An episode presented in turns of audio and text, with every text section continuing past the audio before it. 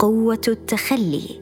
كيف يمكن للتخلي عن السيطرة أن يحسن حياتك؟ بقلم ايتكن تانك ترجمة نور آل طالب. أصلحت ربطة عنقي وقرعت الجرس والحماس يغمرني للقاء أصدقائي وزملائي القدامى في حفلة أقامها صديق لي بمناسبة انتقاله لمنزل جديد. وقبل أن يجيبني صديقي لاحظت وجود لافتة لشركة مشهورة متخصصة بالأمن المنزلي. لقد كنت مهتما بالأنظمة الأمنية فسألت صديقي عن مدى رضاه عنها وقال بضحكة مكتومة لم نشتريها. لقد احتفظنا بلافتة المالكين السابقين في الفناء عندما انتقلنا إلى هنا لإبقاء المتسللين بعيدا. كان علي أن أضحك لأني أرى نفسي أفعل الشيء ذاته.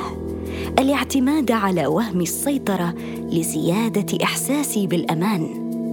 من الطبيعي أن نفعل كل ما بوسعنا لنكون مسيطرين. قد أجازف وأقول إنها طبيعة بشرية ولا سيما في الأوقات العصيبة. لنأخذ الكلاب على سبيل المثال.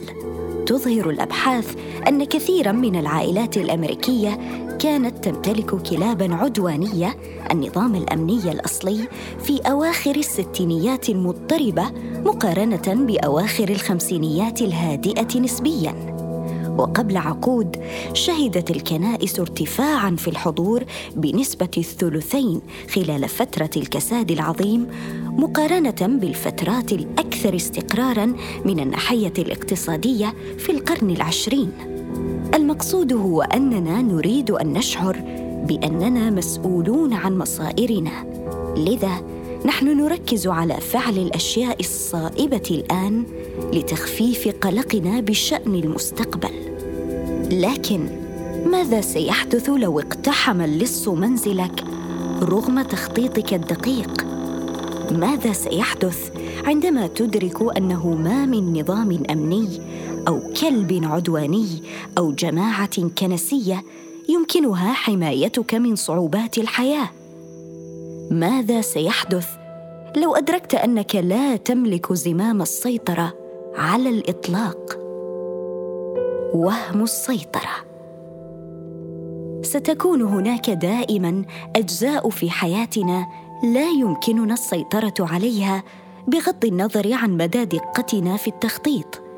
فلا مفر من المشقة والألم لأنهما سيكونان دائما جزءا من وجودنا ومقاومتهما تشبه مقاومة شروق الشمس أو تغيير فصول السنة. الأمر ببساطة غير ممكن.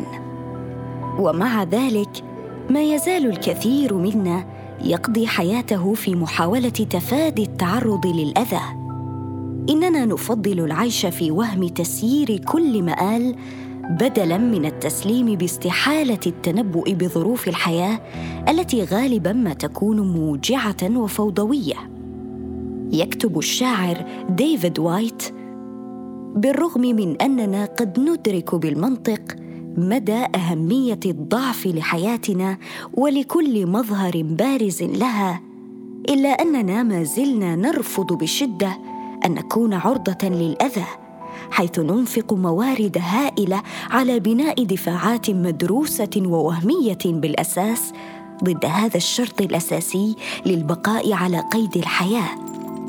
إن مساعينا لتجنب التعرض للأذى تثمر عن نتائج عكسية في الواقع بل ومضرة أحيانا رغم أنها تشعرنا بالأمان لأن محاولة السيطرة على حياتنا تحول دون استمتاعنا بالأشياء التي نحاول حمايتها في المقام الأول. لنقل مثلا إنك تسعى لحماية عائلتك وهذا طبعا قلق نبيل غير أن هذا القلق يأخذ في النمو وسرعان ما يستهلك حياتك إذ تقضي وقت فراغك في بناء سياج طويل يصد كل أذى عن أحبائك. وعندما يحدث ذلك فأنت تكرس كامل طاقتك للبحث عن أفضل الأنظمة الأمنية المتاحة. والآن وقد كبر أطفالك دون أن تعي ذلك فقد فاتك وقت ثمين كان بإمكانك قضاؤه معهم لأنك ركزت اهتمامك على التأكد من عدم حدوث أي أمر فظيع لهم. والأسوأ من ذلك أنك قد تكون ضحية فيما تحاول باستماتة ألا تكون كذلك. يكتب يونغ كانغ تشان بما أن حريتك تعتمد على الشخص أو الشيء الذي تريد السيطرة عليه فإن الشيء أو الشخص يقرر كيف تشعر. ألست إذن ضحية وخاضعا لسيطرة الشخص أو الشيء؟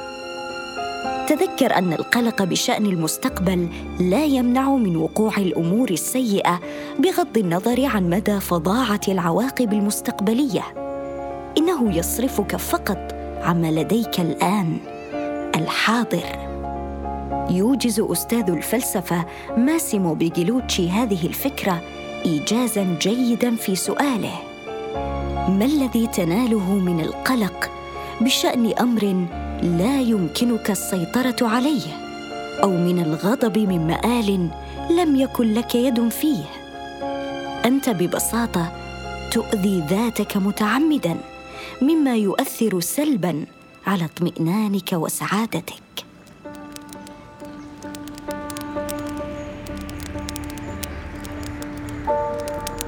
تقبل المخاطر. إن التركيز على تفادي الأمور السيئة يحول دون حدوث الأمور الجيدة.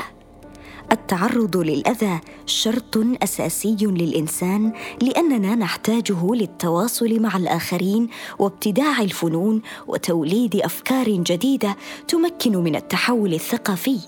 فمن دون التعرض للأذى لا يوجد خطر وبدون خطر لا يوجد نمو. يكتب المؤلف والباحث الاجتماعي براين براون أمضيت سنوات عديدة في محاولة تجنب التعرض للأذى بجعل الأمور أكيدة ومحددة إما أبيض أو أسود سيء أو جيد. عجزي عن تقبل المشقة التي تكتنف التعرض للأذى يحد من شمولية تلك التجارب الهامة المجبولة على الإبهام والغموض كالحب والانتماء والثقة والبهجة والإبداع وغيرها الكثير. إن عدم التعرض للأذى سيمنعك من التواصل مع نفسك والآخرين كما أنه سيحول دون التواصل مع الشخص الذي تريد أن تكونه.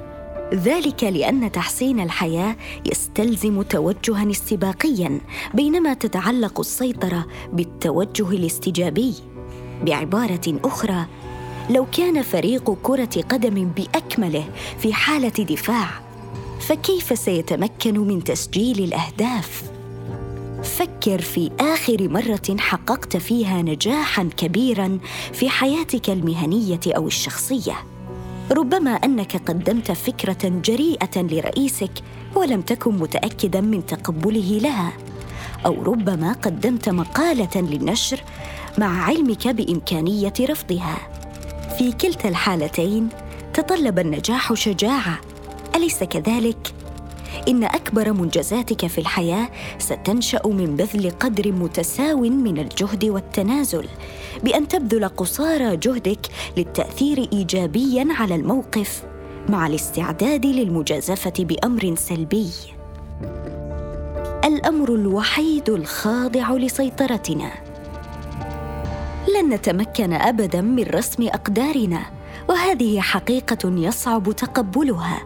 لذا عوضا عن السعي إلى جعل كل منحى من حياتنا مقاوما للنوائب. سيكون من الأفضل لنا استكشاف ما يمكننا السيطرة عليه وهي استجاباتنا للنوائب التي لا تقع إلا كل حين وحين.